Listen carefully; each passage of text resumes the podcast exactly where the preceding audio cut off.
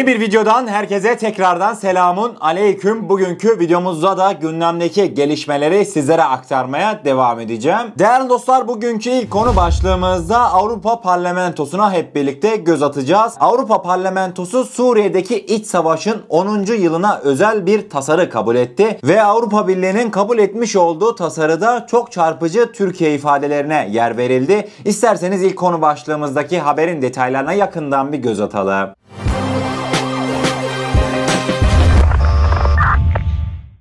Avrupa Parlamentosu Suriye'de iç savaşın başlamasının 10. yılında Suriye çatışması ayaklanmanın ardından geçen 10 yıl başlıklı karar tasarısını kabul etti. Tasarıda Suriye halkının demokratik istekleriyle ülkenin birliği, toprak bütünlüğü ve egemenliğine destek vurgulanırken Birleşmiş Milletler'in siyasi çözüm çabalarının Beşar Esad rejiminin tutumu nedeniyle ilerlememesinin endişeyle karşılandığı ifade edildi. Esad rejiminin insan hakları ve uluslararası hukuk ihlalleri kınanır yapılırken Rusya ve İran'ın da yanı sıra Türkiye'nin de ihlallerde bulunduğu iddia edilmeye kalkıldı. Tasarıda Rusya, İran ve Hizbullah'ın güçlerini Suriye'den çekmesi çağrısı yer aldı ve rejimin sivil halka baskısına Rusya ile İran'ın destek vermesinden üzüntü duyulduğu aktarıldı. Türkiye'nin Suriye'nin kuzeyinden askerlerini çekmesi istenen tasarıda Türkiye'nin bu bölgeyi yasa dışı şekilde işgal ettiği ve bunun Suriye'de, Orta Doğu'da, Doğu Akdeniz'de barışı tehlikeye attığı şeklinde skandal iddialarda bulunuldu. Ayrıca Avrupa Birliği Parlamentosu son olarak çok çarpıcı bir ifadeye yer verdi. Avrupa Parlamentosu milletvekilleri terör örgütü DAEŞ'in hala bölgede aktif olduğunu belirterek DAEŞ ile mücadele uluslararası koalisyonuna desteklerini ifade etti ve terör örgütü YPG PKK güdümündeki Suriye Demokratik Güçlerini bir müttefik olarak DAEŞ ile mücadeleye ciddi katkı yaptığını savundu. Değerli dostlar duydunuz mu? DAEŞ halen Suriye'de aktifmiş. Gerçekten çok ilginç açıklamalar. Özellikle de zaten Avrupa Birliği parlamentosunun yapmış olduğu bu tasarının hiçbir önemi, hiçbir ciddiyeti bulunmamakta. Türkiye hakkında kimse karar verme potansiyeline, yetkisine sahip değildir. Öncelikle bunu bir belirtmek isterim. Zaten DAEŞ'in Suriye'de bitmediği söylemlerine gelecek olursak tamamıyla bölgede bulunan YPG PKK'lı unsurları açık bir şekilde desteklemek amacıyla bu cümlelerin söylendiğini de açıkçası hepimiz bilmekteyiz. Değerli dostlar ilerleyen dönemde Suriye'de sözde demokratik güçler olarak kendilerini tanıtan YPG PKK uzantısı grubu Avrupa Birliği olsun hatta son gelen bilgilere göre NATO dahi bölgede Suriye demokratik güçlerini yani PKK YPG'yi desteklemeyi düşünmekte. Ortada ne DAEŞ kaldı ne başka bir örgüt kaldı. Fakat halen Avrupa Birliği ve NATO ne yazık ki Türkiye karşısında Türkiye'nin milli güvenliğini tehdit eden bir örgütü halen desteklemekte kararlı. İlerleyen günlerde özellikle de YPG tarafında çok hareketli günlerin yaşanacağını sizlere belirtmek isterim değerli dostlar.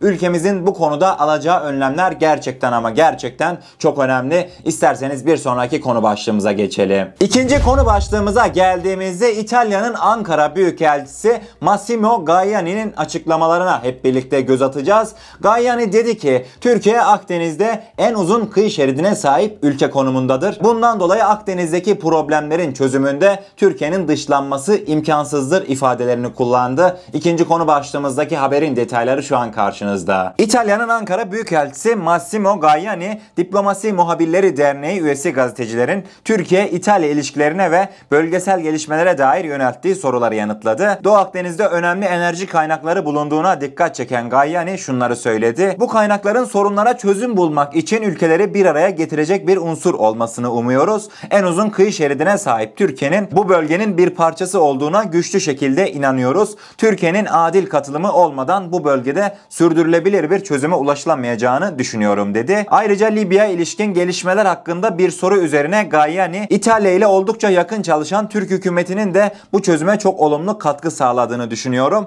Bence bu çok önemli bir adım. Olumlu bir eğitim verilecek ve Libya'daki askeri mevcudiyetle ilgili meseleler giderilerek çözülecektir. Doğru yolda olduğumuzu düşünüyorum. Ülkenin istikrarı için Libya meselesine ilişkin İtalya ve Türkiye arasında çok yakın diyaloğu sürdüreceğiz dedi. Özellikle de İtalya'dan gelen Doğu Akdeniz açıklamaları, Doğu Akdeniz'de Türkiye'yi desteklemeleri gerçekten çok önemli. Çünkü değerli dostlar hatırlarsınız Doğu Akdeniz'de böyle Yunanlarla en ufak bir sürtüşme, en ufak bir krize girişecek olsak hemen Avrupa Birliği'nden yardım istiyorlar. Avrupa Birliği'ne acil bir şekilde toplantıya çağırıyorlar. Zaten geçmişten de göreceğim üzere Avrupa Birliği'ndeki Türkiye'nin haklarını bilen, Türkiye'nin bölgedeki varlığını kabul eden ülkeler dolayısıyla Yunanistan'da istediğine ulaşamıyor. Bundan dolayı Avrupa Birliği üyesi olan İtalya'nın bizi desteklemesi gerçekten çok önemliydi. İsterseniz bir sonraki konu başlığımıza geçelim. Üçüncü konu başlığımıza geldiğimizde günün bomba gelişmesini sizlere aktaracağım. Değerli dostlar bu sefer sizleri Yunanistan'a götürüyorum. Fakat Yunanistan'ın Türkiye sınırına gideceğiz. Alman medyasından Der Spiegel Türkiye-Yunanistan sınırında çok özel bir olay başlığıyla geçtiğimiz günlerde bir haber kaleme aldı.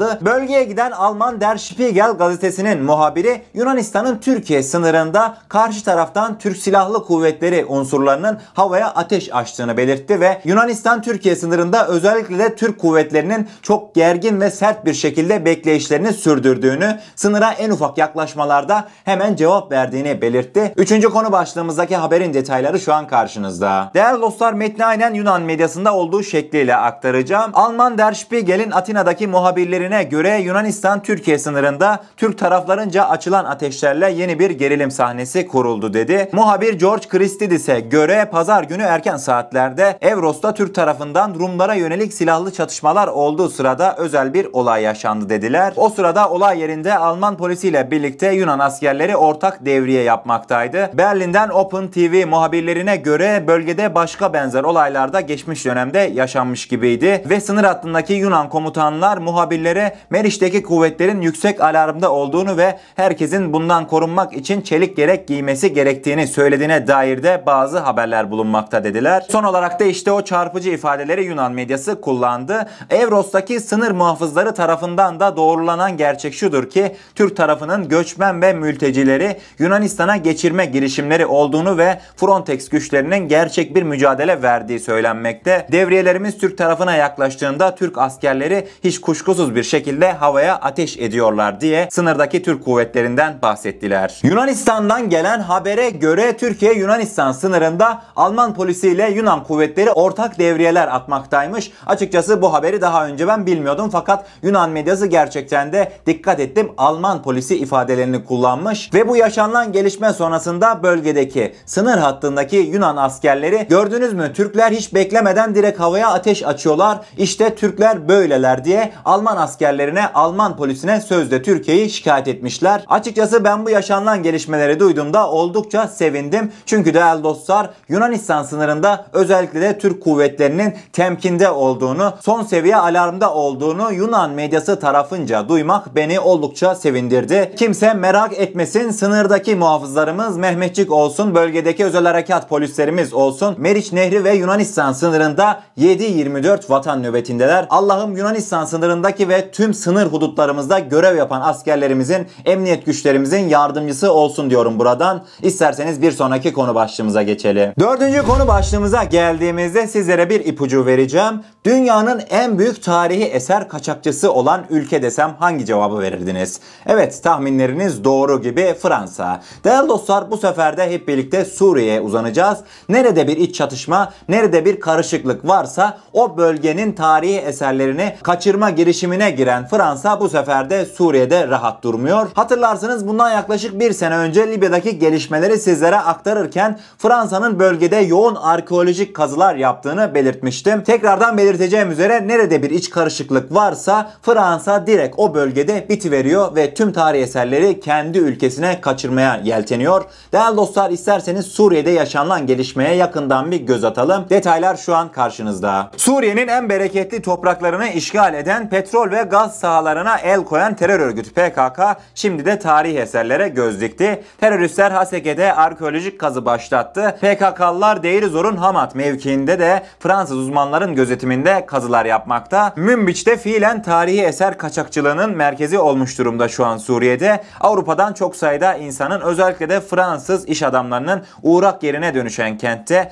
binlerce yıllık eserler alınıp satılıyor. Terör örgütü PKK kimi zaman doğrudan bu satışların içinde yer alırken kimi zaman da kaçakçılığa göz yumarak komisyon alıyor. Suriye Gözlemevi örgütün geçtiğimiz günlerde tarihi eserlerin satışından tek seferde 100 bin dolardan fazla komisyon aldığını yazdı. Gözlemevinin raporunda PKK-PYD adına bölgeye gönderilen sözde Fransız yetkililerin tarihi eser arayanlara para karşılığında kazı izni verdiği belirtildi. Kendileri ilk konu başlığımızda göreceğiniz üzere özellikle de Fransa Türkiye Suriye'de karışıklığa neden oluyor. Türkiye Suriye'deki askerlerini çeksin derler.